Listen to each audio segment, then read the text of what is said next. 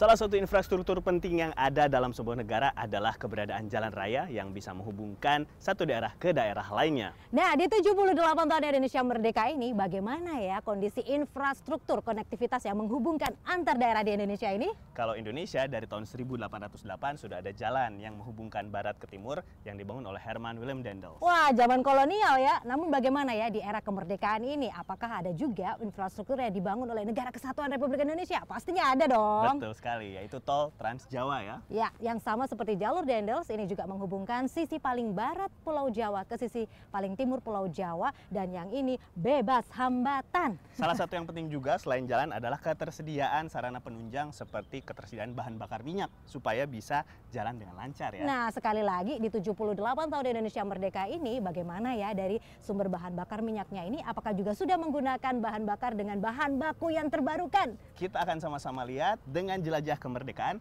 dari sisi barat Pulau Jawa sampai sisi timur Pulau Jawa. Yuk. Yuks.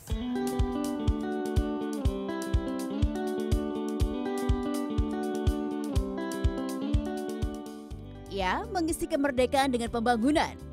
Salah satunya adalah infrastruktur konektivitas antar daerah. Seperti akses perhubungan jalur darat. Tidak hanya infrastruktur yang dibangun saja, namun bagaimana juga fasilitas pendukungnya. Nah, kami pun ingin melihat langsung bagaimana kondisinya. Kami pun memulai dari jalur ujung barat Pulau Jawa, baik di jalur Trans Jawa maupun jalur Dendels. Dalam sebuah perjalanan selalu dimulai dari langkah pertama.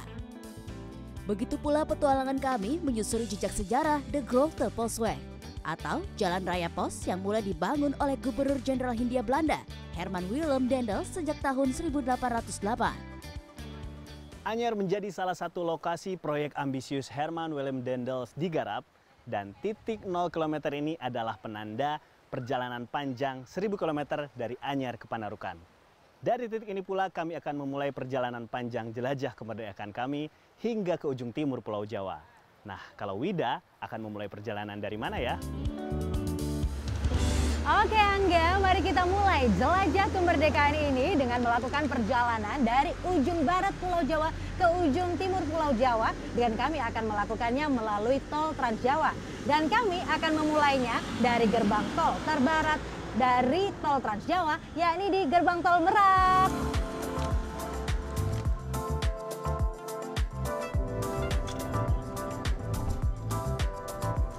Ya, meskipun titik nol dari Trans Jawa berada di tengah kota Jakarta, yakni di Cawang, Jakarta, namun gerbang tol paling barat dari tol Trans Jawa dimulai dari gerbang tol Merak, Banten. Perjalanan ke timur pun melalui ruas tol Jababeka, Jakarta, Banten, Bekasi, hingga Karawang. Ruas tol ini melewati ibu kota DKI Jakarta, lanjut ke timur ke kawasan industri Cikarang Bekasi hingga Karawang. Pengadaan infrastruktur konektivitas memang menciptakan peluang penciptaan kawasan industri baru maupun pengembangannya.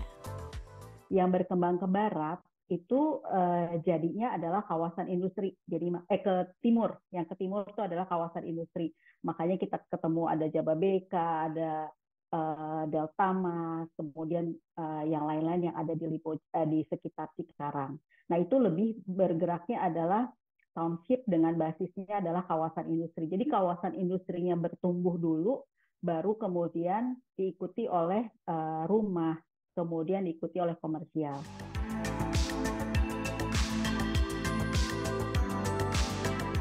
Monica Kusnova Grill mencatat adanya ruas tol mampu menciptakan kawasan industri. Seperti ruas tol Jakarta Cikampek semenjak 1998 hingga 2000 beroperasi 12 kawasan industri. Dan sejak tahun 2008 bertambah 7 kawasan industri. Dari Anyer yang identik dengan pemandangan pantai, kami lalu memasuki wilayah industri di Cilegon. Sepanjang perjalanan sejauh kurang lebih 20 km, kami menemui banyak sekali pabrik yang menjadi tulang punggung perekonomian Banten dan juga Indonesia. Keberadaan infrastruktur jalan sudah sejak lama menjadi salah satu faktor berkembangnya suatu daerah, sama halnya dengan keberadaan jalan raya pos di zaman dahulu kala. Saya bisa mengatakan itu cikal bakalnya Kemudian dari jalan itu kan terinspirasi pembuatan jalan tol, iya toh, iya. Semuanya pasti berawal dari dari dari jalan raya, the Grote Postweg ini tadi. Jadi uh, ketika jalan raya pos ini dibangun, orang-orang pasti pertama kan komplain dulu ya. Tapi kemudian kok melihat, lu kok banyak manfaatnya. Dari situ muncullah desa-desa. Setelah melewati Cilegon, Serang, dan Tangerang dengan jarak kurang lebih 110 km, akhirnya kami tiba di Jakarta. Batavia atau Jakarta Tempo dulu merupakan salah satu kota yang penting dalam sejarah pembangunan jalan raya pos.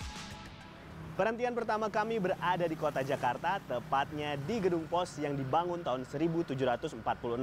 Jalan pos atau posweg yang dibangun oleh Dendels, salah satu fungsinya adalah untuk mengirimkan surat dari Batavia ke arah timur dan barat Pulau Jawa. Meski di awal pembuatan jalan ini ditujukan untuk kepentingan militer, namun jalan raya pos lebih banyak diperuntukkan untuk mengirim barang atau surat karena setelah jalan ini rampung bisa menghemat waktu perjalanan dari Batavia menuju arah timur Pulau Jawa. Jadi dulu Surabaya ke Batavia itu memakan waktu dua mingguan perjalanan naik kereta ya. Uh, kereta ditarik kuda maksud saya itu ya. Tapi setelah jalan tersebut dibuat hanya membutuhkan waktu tiga hari bahkan maksimum hanya tujuh hari saja.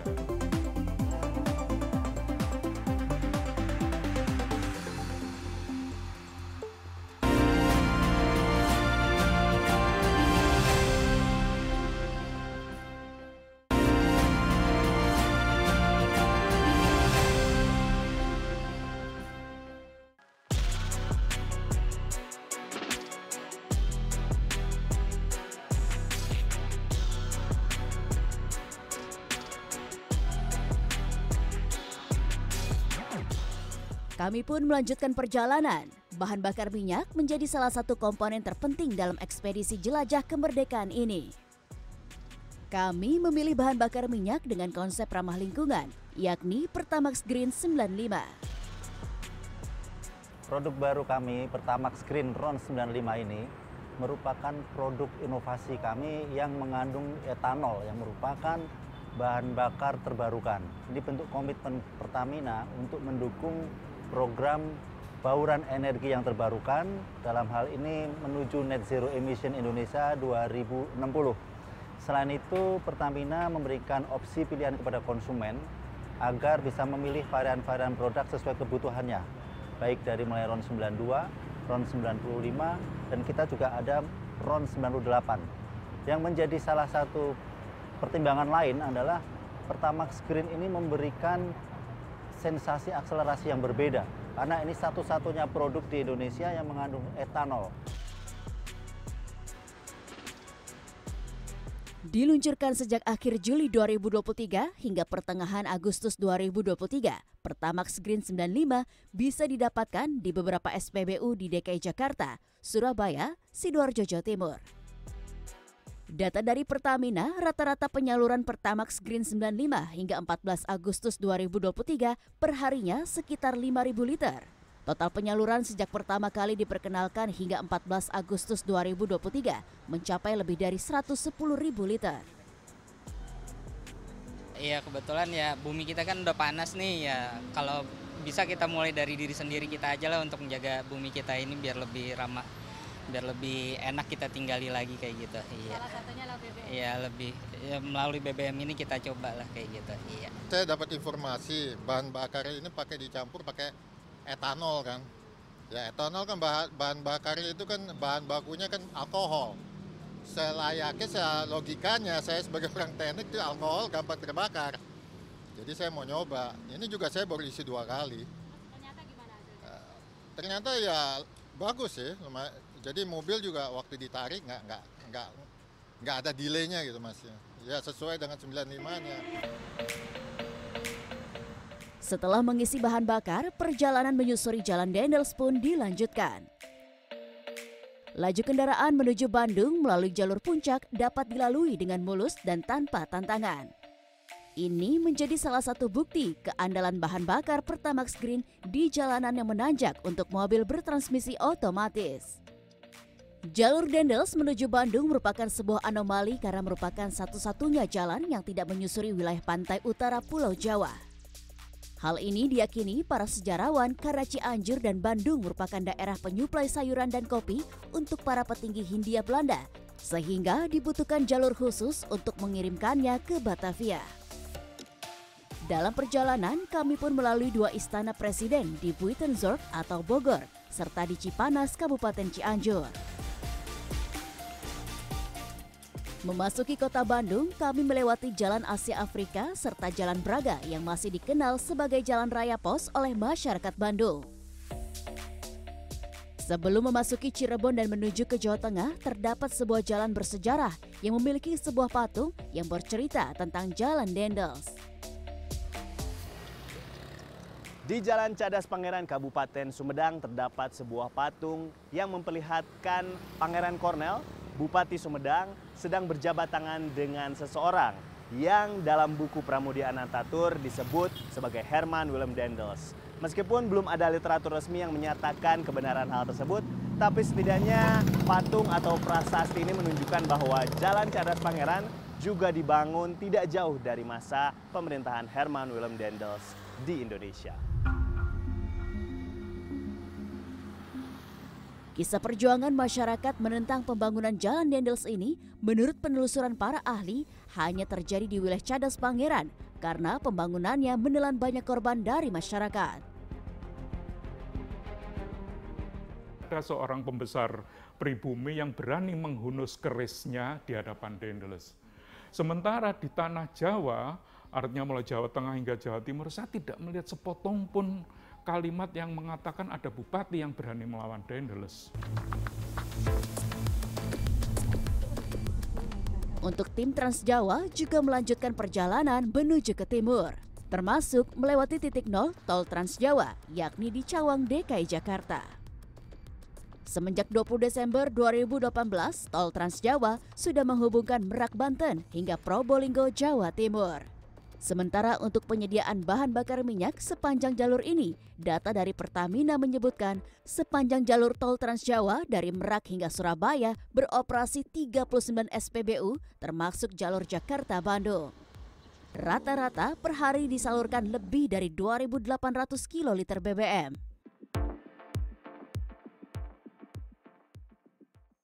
Pertamax Green RON 95 ini, kami menyiapkan saat ini Jakarta dan Surabaya kami akan menyiapkan di wilayah Jawa Tengah jalan tol pasti karena rute pasokan daripada etanol kami sendiri itu ada di rute-rute jalan Trans Jawa sehingga kami menyiapkan pasokan ini pola suplainya kita sesuaikan dengan kebutuhan dan kita uh, sesuaikan dengan pola mobilisasi daripada masyarakat sesuai kebutuhannya. Baik dari mulai RON 92, RON 95 dan kita juga ada RON 98.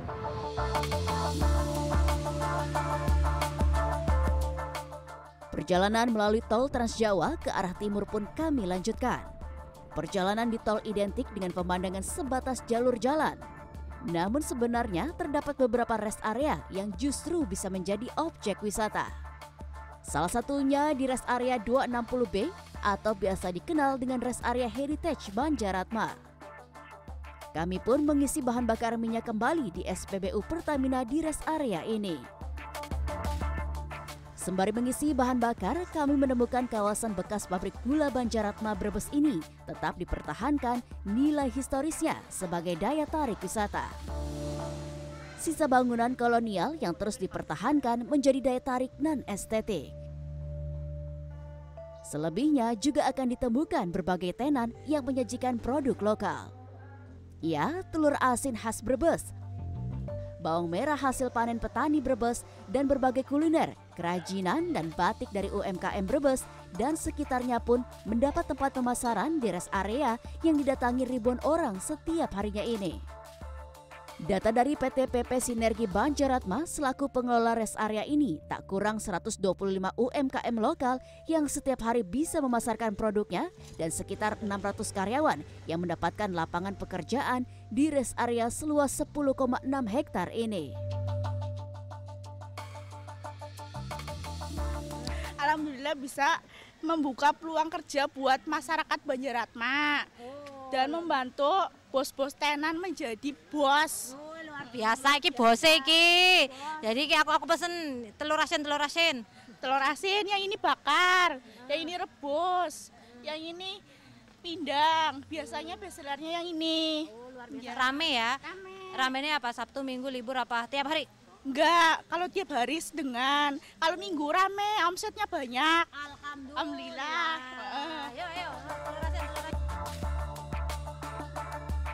Berada di rest area yang berada di Jawa Tengah ini pun kami menemukan pelaku perjalanan dari berbagai daerah.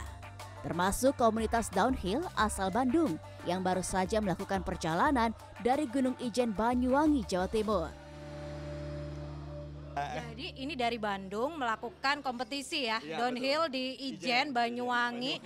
Berangkatnya pakai motor, betul. terus habis itu pulangnya lewat Trans Jawa, ya, begitu ya. ya. Jadi luar biasa ya keliling jalur Dendels yes. sama Trans Jawa berarti. Yes, betul. Itu jalur Dendels. Masya Allah, keren banget. Kalau yang suka riding tuh wajib coba itu. Udah gitu eh, selama perjalanan tempat makan banyak, tempat istirahat banyak, okay. terus uh, yang penting tuh suasana keindahan alamnya wah keren ya? keren bagus banget. Kalau itu kan di Dendelsnya. Yeah. kalau di Trans Jawa ya gimana? Ketersediaan nah, bahan bakar yeah. terus kemudian fasilitasnya gimana bang? Nah kita kan masuk tol itu dari ujung banget ya di Probolinggo ya itu tuh ya. Nah uh, kita masuk tol uh, rest area udah lengkap semua. Udah ada kita sempat berhenti dua kali sampai tiga kali untuk isi bahan bakar sama ya amunisi ini juga ya. Biar biar nggak masuk angin gitu kan. Dan itu sangat mudah dan memang semuanya fasilitas sudah ada. Jadi uh, kayaknya udah well banget gitu. Oke, BBM udah ya nggak ada yang ngantri langka BBM nggak ada yang ngantri tadi semuanya aman lancar. Oke, luar biasa selamat ya happy lagi. Oke, siap. Om Ruda. Ruda.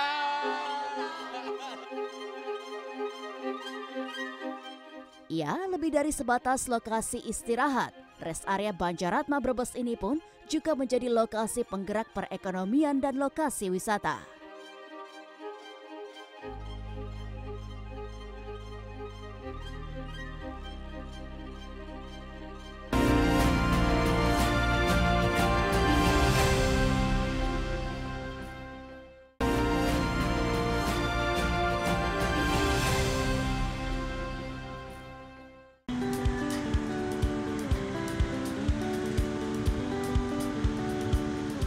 Kami pun melanjutkan perjalanan dari Jawa Tengah hingga sampai di Jawa Timur.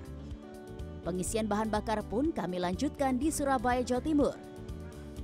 Pengisian Pertamax Green 95 kami bisa dapatkan mudah di 10 SPBU di tengah kota Surabaya. Salah satunya di SPBU Jalan Dr. Sutomo, Surabaya. Di SPBU Tengah Kota Surabaya ini, untuk Pertamax Green sudah biasa dinikmati juga oleh pengendara roda 2. Eh, seminggu itu biasa isi uh, eh, 4 sampai 3 kali, ini cuma 3 sampai 2 kali aja.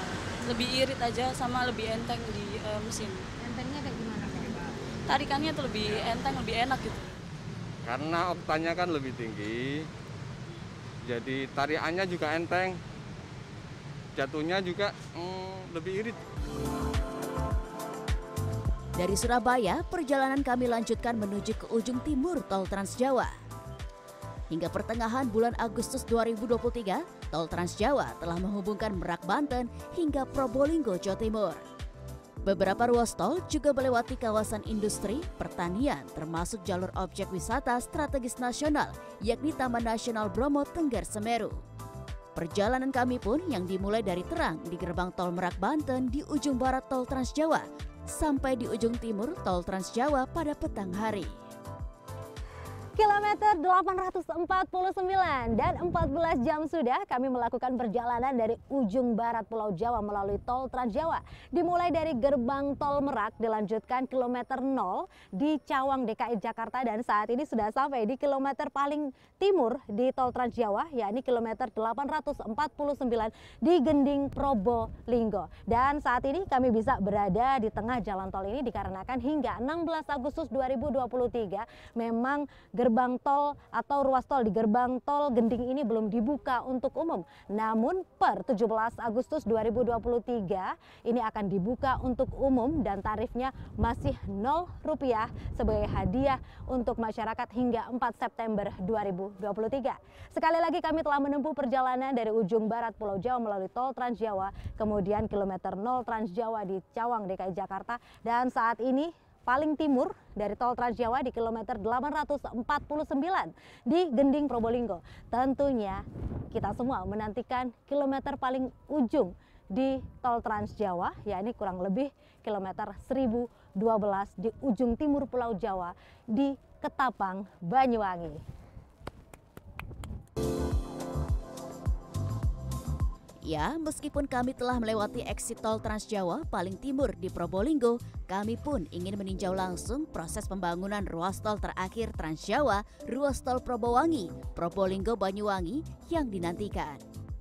Ya, meskipun cakupan dari tol Trans Jawa hingga pertengahan tahun 2023 ini belum sepanjang dari ruas jalur Dendels, namun begitu dari berbagai kajian termasuk kajian dari BPJT atau Badan Pengatur Jalan Tol ini menyatakan dengan melalui tol Trans Jawa maka akan mendapatkan banyak efisiensi di antaranya adalah efisiensi waktu. Nah di pertengahan tahun 2023 ini proses pembangunan dari tol Trans Jawa terus dilakukan termasuk di tempat saya berada saat ini ini adalah di ruas tol Trans Jawa paling bungsu atau paling timur ya ini adalah Probowangi Probolinggo, Banyuwangi. Dan masih dalam kajian BPJT sendiri, bila ruas tol paling timur dari Trans Jawa ini sudah jadi, maka akan menghemat waktu tempuh. Seperti misalnya dari Surabaya, Banyuwangi, bila biasanya melalui jalur Dendels, ini berkisar membutuhkan waktu 7 sampai 8 jam, maka melalui tol Trans Jawa, Surabaya, Banyuwangi bisa ditempuh hanya sekitar 3 hingga 4 jam.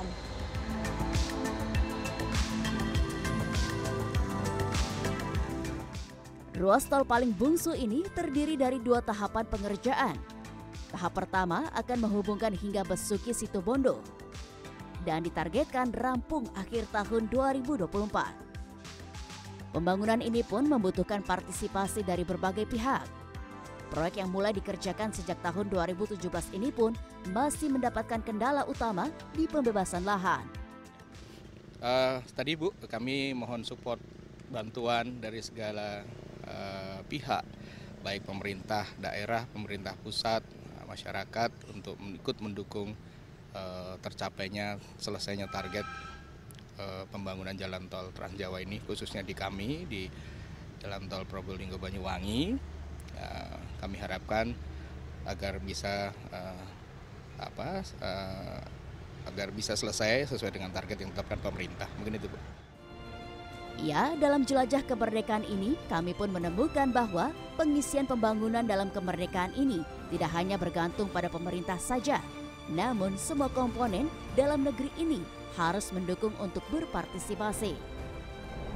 Dirgahayu Republik Indonesia ke-78 Terus melaju untuk Indonesia maju. Merdeka!